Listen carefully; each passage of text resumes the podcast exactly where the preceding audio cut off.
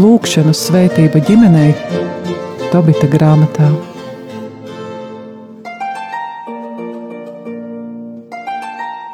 Slavēts Jēzus Kristus. Mūžīgi mūžos slavēts. Studijā Stēla. Un Anģela. Un Kā? Kristus augšām cēlies. Patiesi augšām cēlies, jo tomēr vēl turpinās arī šis lielienu laiks. Un lasīsim tālāk Tobija grāmatu un redzēsim, kā arī viņa dzīve tieši pa Dieva lemtiem ceļiem sāk iegrozīties jau ļoti labā gultnē, bet viņš īsti pats pat nesaprot, varbūt kaut kur nojauš, kas ir viņa ceļa biedrs. Iepriekšējā reizē mēs pabeidzām raidījumu, kad skatījāmies, kā tad Tobijam gāja ar to zīvi, kura vienā tulkojumā, krievu valodā, gribēja viņu vispār aprīt.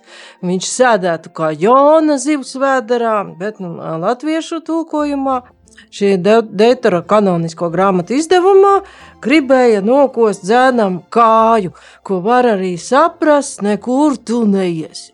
Bet neizdevās tā kā tā zivs gribēja, bet tā kā bija paredzēts, jo šī zivs tika izvilkta no ūdens, un redzam, ka arī Tobijs viņu tā īsti pieveic tieši krastā uz savas zemes, un eņģelis viņam liek izņemt no zivs žultis sirdi un aknas un noglabāt pie sevis, bet iekšas izmet. Dziedināšanā derīga tikai žults, sirds un aknas. Un jau iepriekš eņģelis, kuru Tobijs pazīst kā Azariju, ir jau stāstījis par to, ka šādas lietas labi noder, un lai arī tur no tām iekšām iekšas izmests, bet zivs viņiem kalpoja arī kā barība, silkstošu ceļu, un eņģels arī paskaidro, kas tās par zālēm, ka zivs sirds un aknas sadedzina tos vīru vai sievas priekšā, kad tiem ir piestājies dēmons vai kāds ļaunais gars. Un jebkāda ļaunā klātbūtne bēgs un atstās tos mierā līdz mūža galam.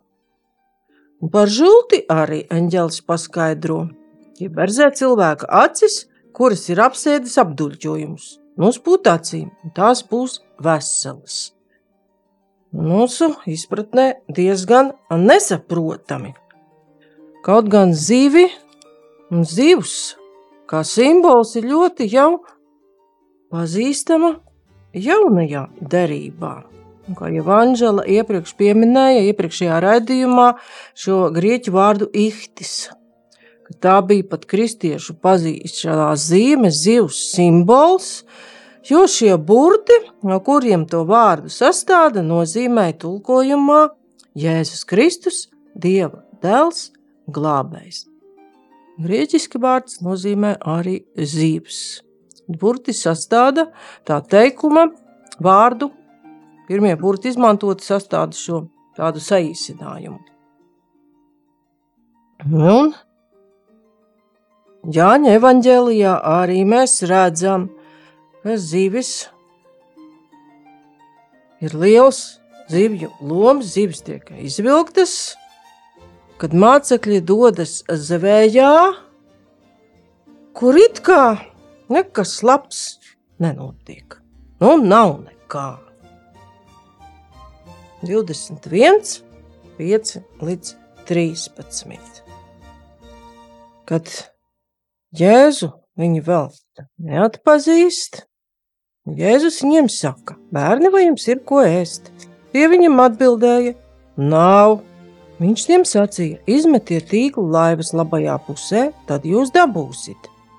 Tad tie izvilka tīklu un vairs nevarēja viņu izvilkt aiz zivju daudzumu. Tad māceklis, ko Jēzus mīlēja, saka Pēterim, tas ir kungs. Šeit arī redzam, kā ar to zivju zveju un to daudzumu mācekļi atpazīst kungu. Tieši caur šo notikumu ar zivīm. Un tur pat ir tas skaits, 153 viņas esot bijušas. Un pēc tā laika uzskata un eksigētā domā, ka ta, tur minētas ir visas tajā laikā pazīstamās zivju sugas, Un, ja mēs tālāk to saprotam jau kā cilvēku zvejošanas simbolu, nu, ka mācekļi tiks sūtīti pie visām šīm tautām, kādas nu, tolaik ir pazīstamas. Nu, turpinājumā pa ziviem mēs varētu Jā, vēl ļoti labi, izlasīt. vēl pa zivīm Jā, labi. bet nevaram pabeigt uzreiz. Nevaram vēl pa Jā, zivīm. un Mateja evangēliju varam lasīt, tas būtu 13. nodaļa. Tieši Jā, arī Vēl deb, tad mēs varam runāt jau par debesu valstību. Vēl debesu valstība ir līdzīga jūrā izmestam tīklam, kurā saķer dažādas zivis. Kad tīkls pilns, to izvelk krastā un sēdot labās zivis savās grozos, bet sapuvušās izmet ārā. Tā būs laiku beigās. Eņģeļi izies un nošķirs ļaunos no taisnajiem un iemetīs tos ugunīgā kurtuvē. Tur būs vaimanas un zobu griešana. Šeit atkal pa zivīm.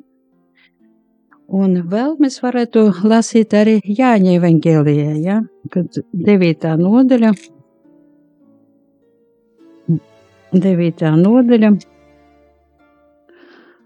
Nu, un šeit, šeit, šeit, šeit es gribētu izlasīt, jā, ne pa zivīm, bet pievienot arī uh, aklā dziedināšanu. Ja? Jā, jo tas tālāk jau saskan ar šo tēmu, ka Tobijs jautā, nu viņš domā, priekš kam tur visas tās zivju daļu no iekšā vajag. Jā, jūs, uh, mēs atceramies, ka tēvs Tobits bija uh, palika akls, viņš bija jā, akls. un, uh, un, un, un šeit mēs varētu, nu varbūt akru, bet tomēr tātad izlasam aklā vīra dziedināšanu. Garām iedams viņš ieraudzīja, Jēzus ieraudzīja cilvēku, kas, kas bija akls kop, kopš dzimšanas. Mācekļi viņam jautāja, rabi, kurš ir grēkojis? Viņš pats vai viņa vecāki, ka viņš piedzimis akls.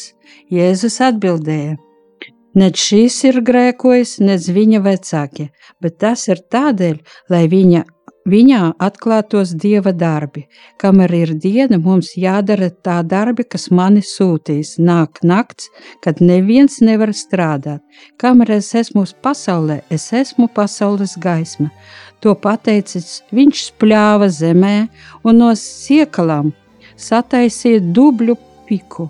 Ar to iezieda neredzīga acis un sacīja: Ej, nomazgājies Siloāmas dīķī. Un viņš aizgāja un nomazgājās un atnāca redzīgs. Nu, Tālāk nelasīšu, Paldies. pēc tam varēsim atkārtot. Jā, bet arī šeit redzam, kā Jēzus dziedina ar tādu kā nesaprotamu metodi, un to bija grāmatā arī eņģelis paskaidro, ka šī žults būs derīga acu dziedināšanai. Kaut gan tur tieši par Tobija, Tobija, Tobija tēvu nav runāts, Teņģēlis paskaidro, ka tas ir redzes dziedināšanai. Un arī tie pārējie līdzekļi, ja tur bija Aknas Akna? un sirds. jā, ka ļaunā gara padzīšana, ja tur teiks, Jā, mēs varam pat teikt tā, ka tas zivs saturēja to vajadzīgo. Aknas un sirds atbrīvo no dēmona, no garīgajiem šķēršļiem, pat varētu teikt, laulībai. Aknas un sirds, eh, kad tiks pielietotas tā, kā eņģēlis to norādījis, viņas eh, šīs smarža, bet kopā ar lūkšanu novērsīs šos šķēršļus laulībai, un laulība varēs notikt.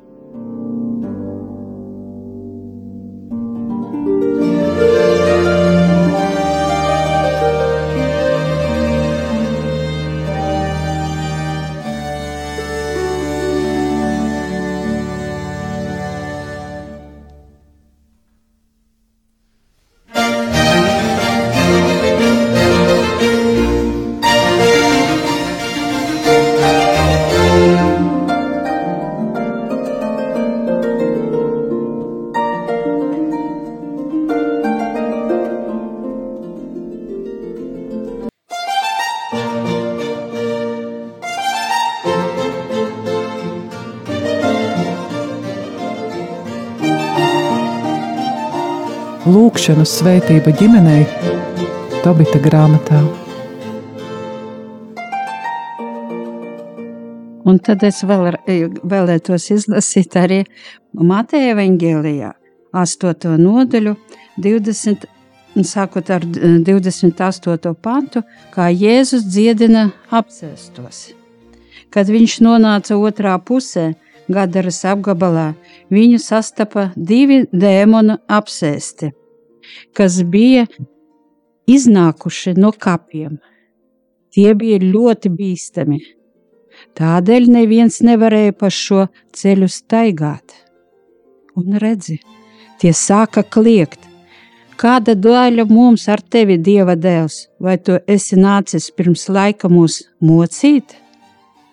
Bet tālu no viņiem ganījās liels cūku bars, un dēmoni viņu lūdza: Ja tu mūs izdzen, tad liec mums ieiet cūkās. Jēzus tiem sacīja: Ejiet!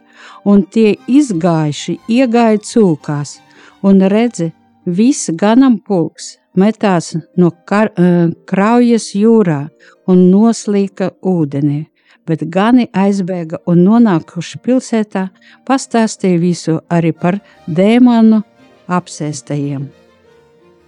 Paldies!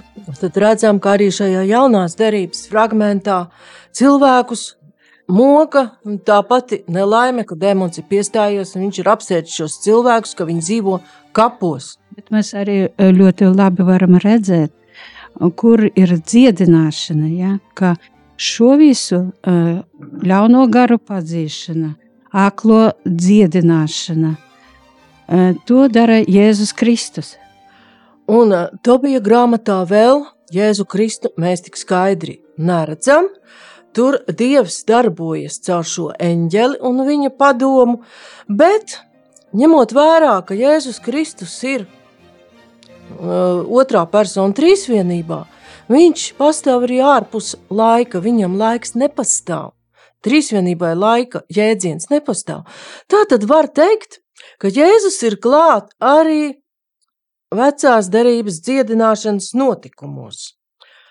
Ja skatāmies tā no vēstures puses, tāda veida dziedināšanas līdzekļi, kur izmantoja kādu uh, zivju vai citu dzīvnieku, kādas sastāvdaļas, tā laika medicīnā bija pazīstami.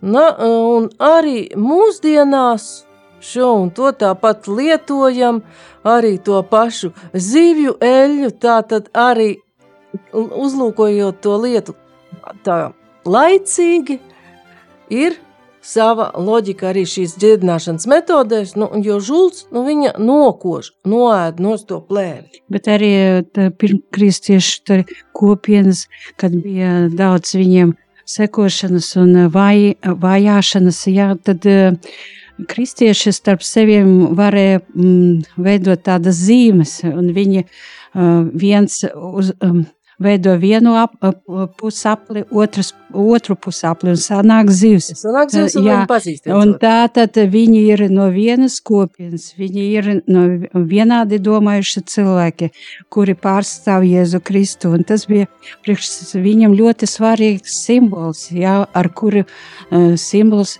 Jēzu, kas uh, pārstāv Jēzu Kristu, ka viņi pārstāv, ka viņi ir no, no kristīti, ka viņi kopā ar Jēzu Kristu seko viņam. Paldies! Un te varam vēl pat saskatīt Tobija grāmatā, ka šī dziedināšana žults acīm tēvam varas pirmā nozīme ir, nu, viņš atgūs fizisku redzi, bet to varam saprast arī kā garīgu redzi, ka viņš sāks aptvert visu šo lietu kopsakarību, arī kāpēc viņš tādā stāvoklī nonāca, kāpēc ir šis tālēs ceļš, kāpēc ir. Viņš ir atcerējies īstajā laikā par to sudrabu, par kur jau iepriekš runājam. Un par redzi, ar veselu aci,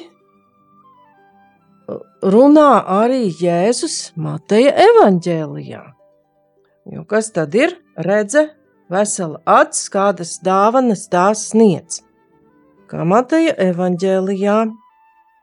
Jēzus par redzi un veselu aci saka šādus vārdus, pie tam tas ir Kalnas prediķī, Mateja 6, 22, 23. Miesas spīdeklis ir acis. Ja nu tava acis ir skaidra, tad visa tava miesa būs gaiša. Bet, ja tava acis ir nevesela, tad visa tava miesa būs tumša. Ja tad gaišums, kas tevī ir tumsība, cik liela būs tumsa? Neviens nevar kalpot diviem kungiem. Vai viņš vienu ienīdīs un otru mīlēs, ja viņš vienam pieķersies un otru atmetīs. Jūs nevarat kalpot dievam un mantai. Tur Jēzus šo redzīgumu attiecina uz spēju saredzēt patiesi galveno dzīvē. Tas ir Dievu un viņa gribu, kā atpazīt to ar skaidru aci.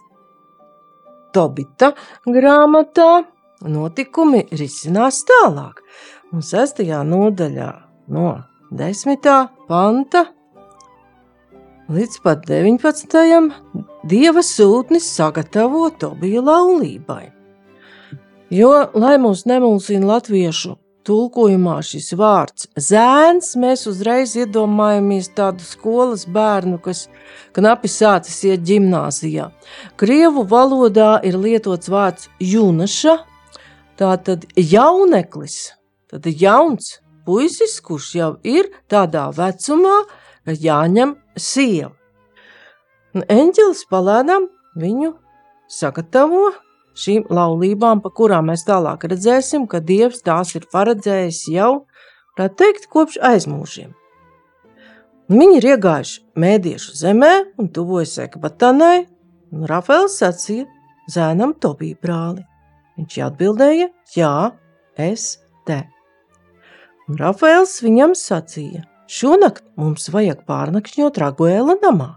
Šis cilvēks ir tavs radinieks, un viņam ir meita vārdā Sāra. Cita dēla vai meitas viņam nav kā tikai Sāra, un pēc radniecības tu esi viņai vistuvāk, lai viņu mantotu sev. Un visu viņas tēvam piederošo tev pienāks saņemt mantojumā. Meitene ir ļoti saprātīga un drosmīga un skaista, un viņas tēvs ir krietns vīrs.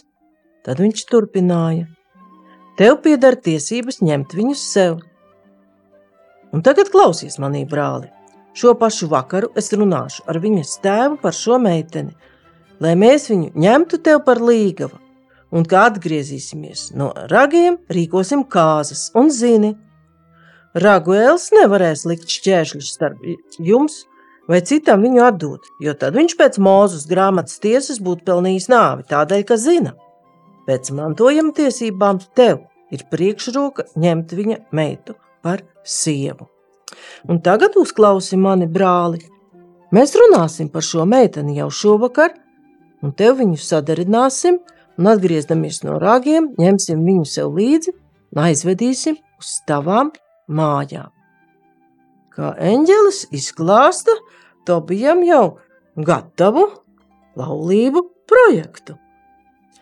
Un šīs uzrunas, tā saruna, tu biji brāli, jā, es te mazliet atgādina Samuēlu tādu aicinājumu, gan tur bija tas aicinājums, tas daudz augstākas pakāpes, bet tomēr kaut kas šajā teksta uzbūvē ļauj atpazīt dievišķa, dievišķas varas pārstāvja sarunu ar cilvēku, kurš viņam atsaucās. Pirmā samēla trīs mēs varam lasīt.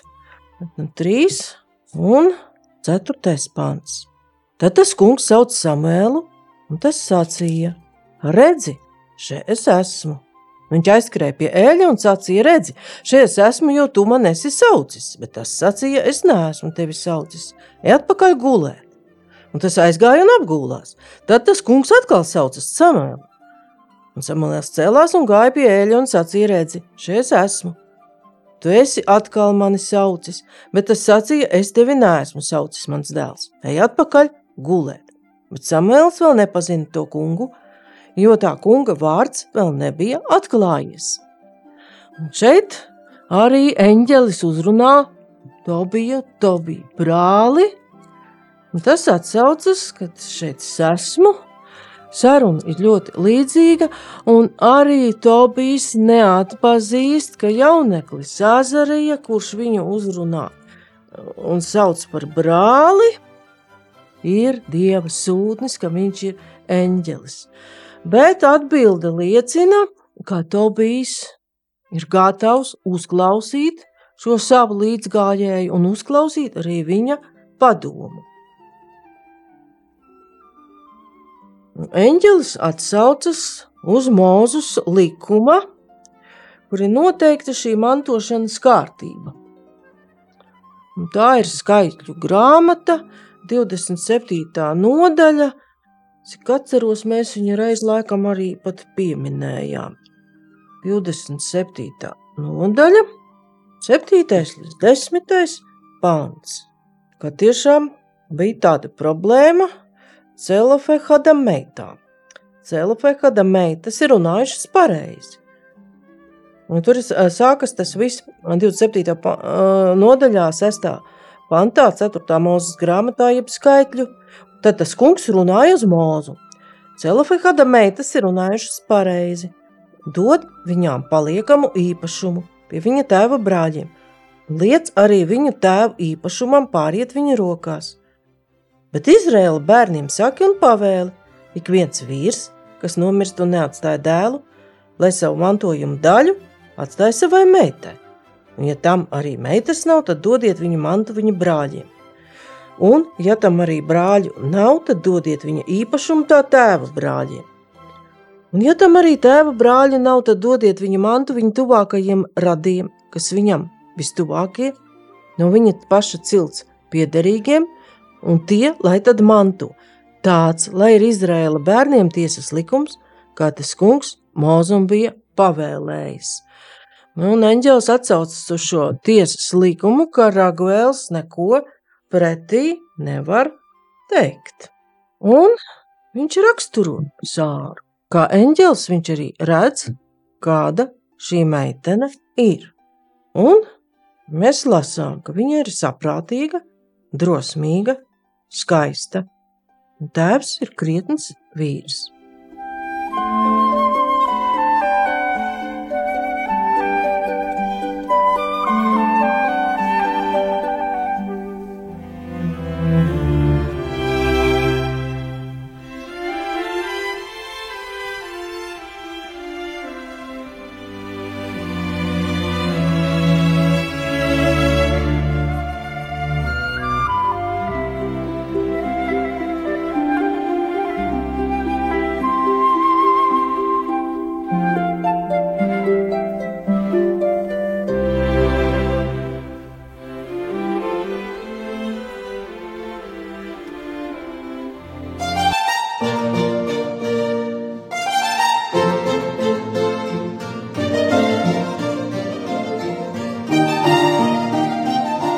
Lūkšanu svētība ģimenei Tobita grāmatā.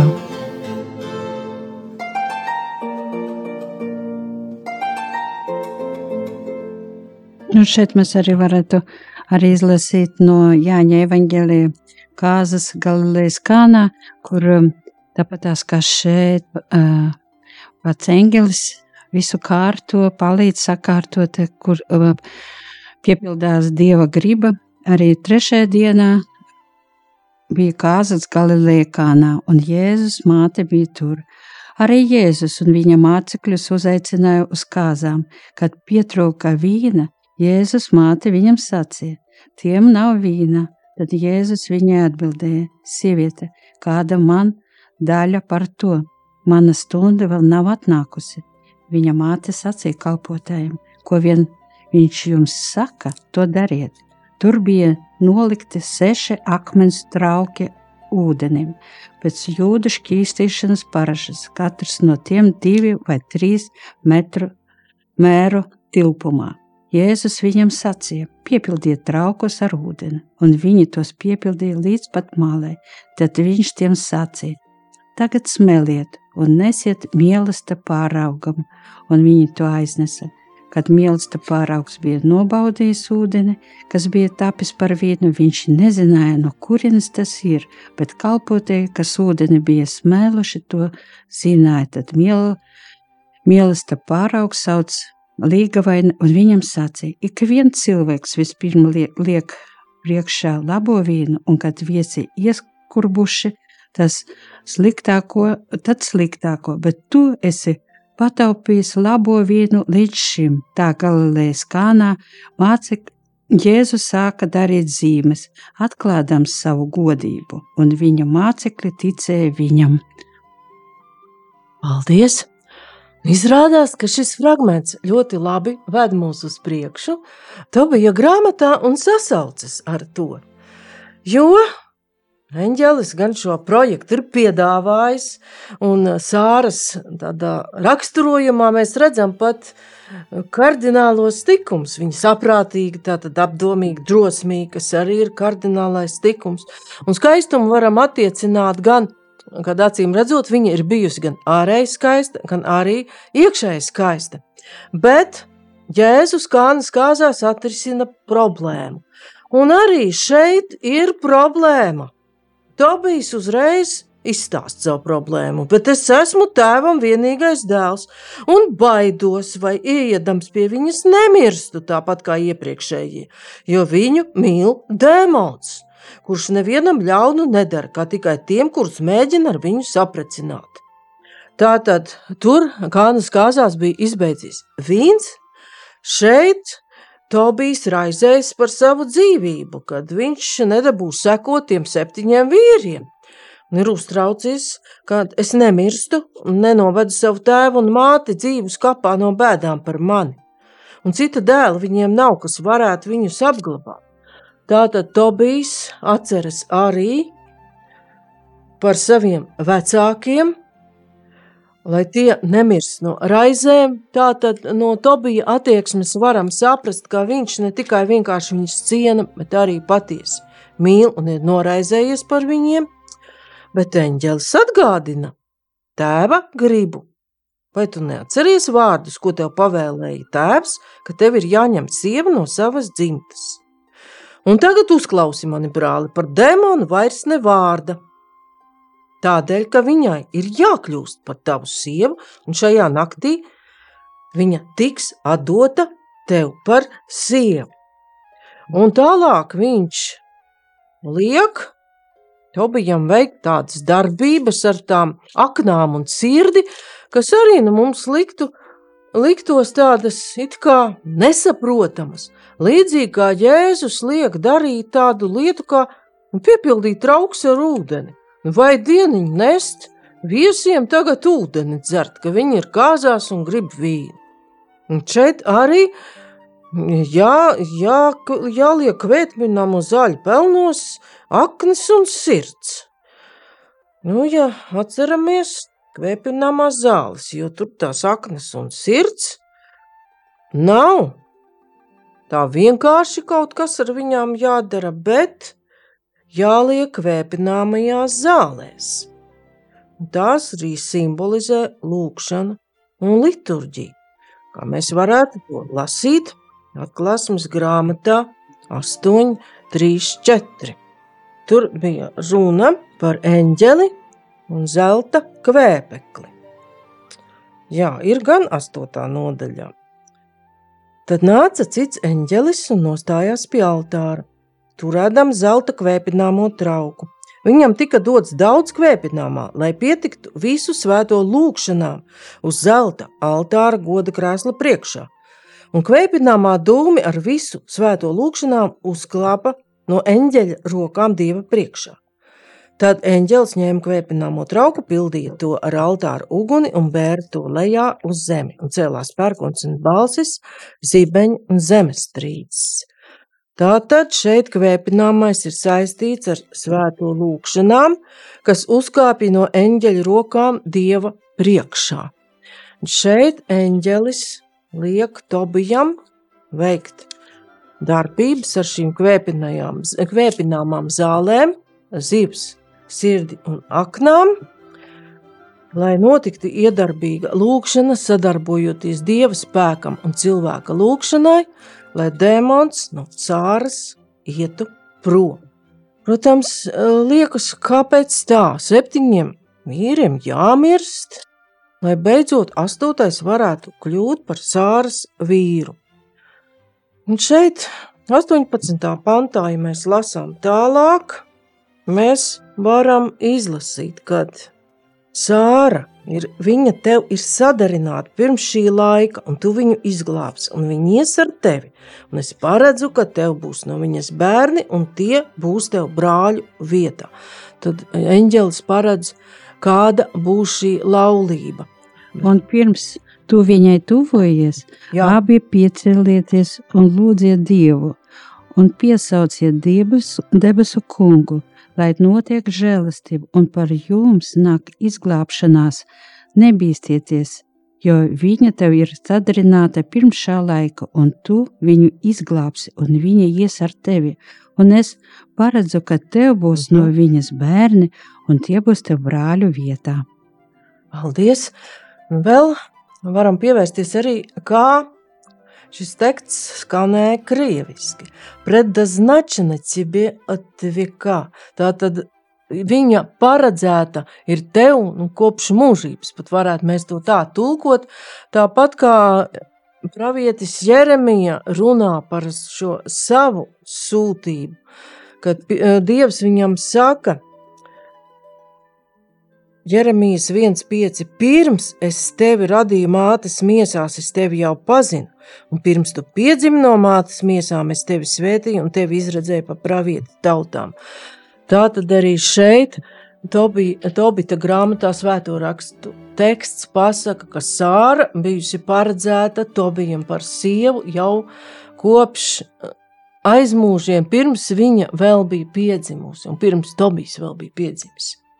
Un kā jau Anģela minēja, ir šī, varētu teikt, pat eņģeļu, eņģeļa pavēle, lūdziet Dievu un piesauciet debesu kungu, lai notiek žēlastība.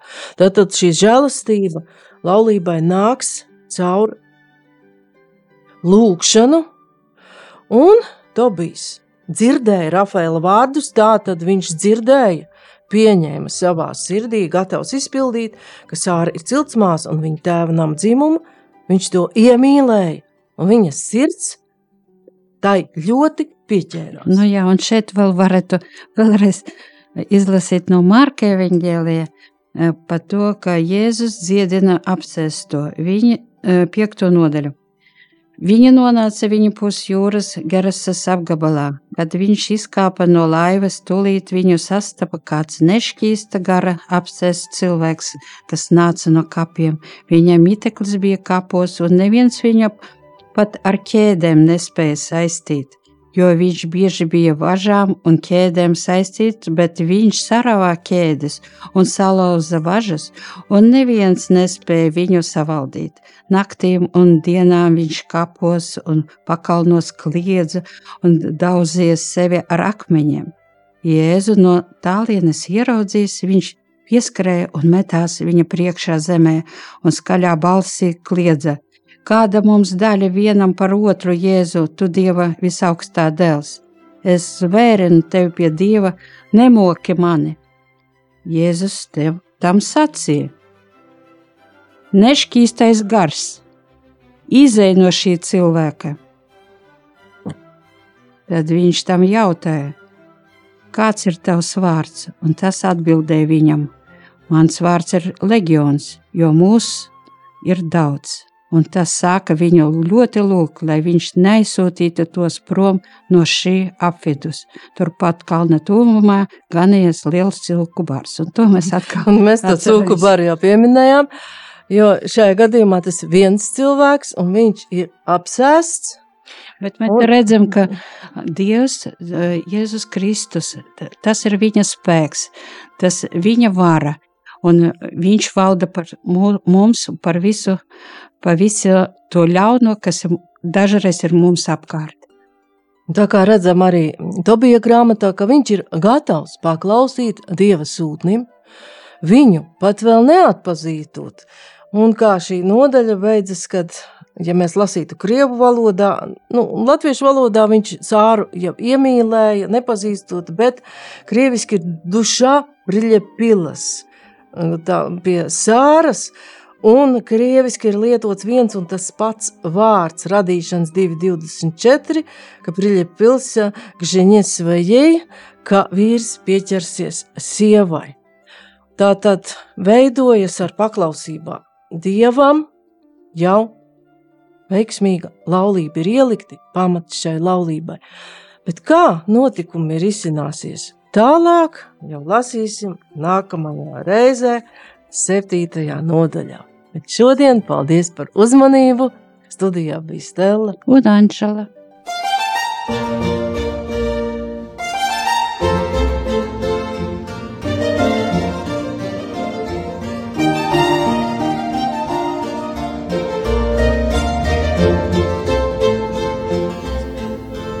Izskanēja raidījums Lūkšanas svētība ģimenei Tobita grāmatā.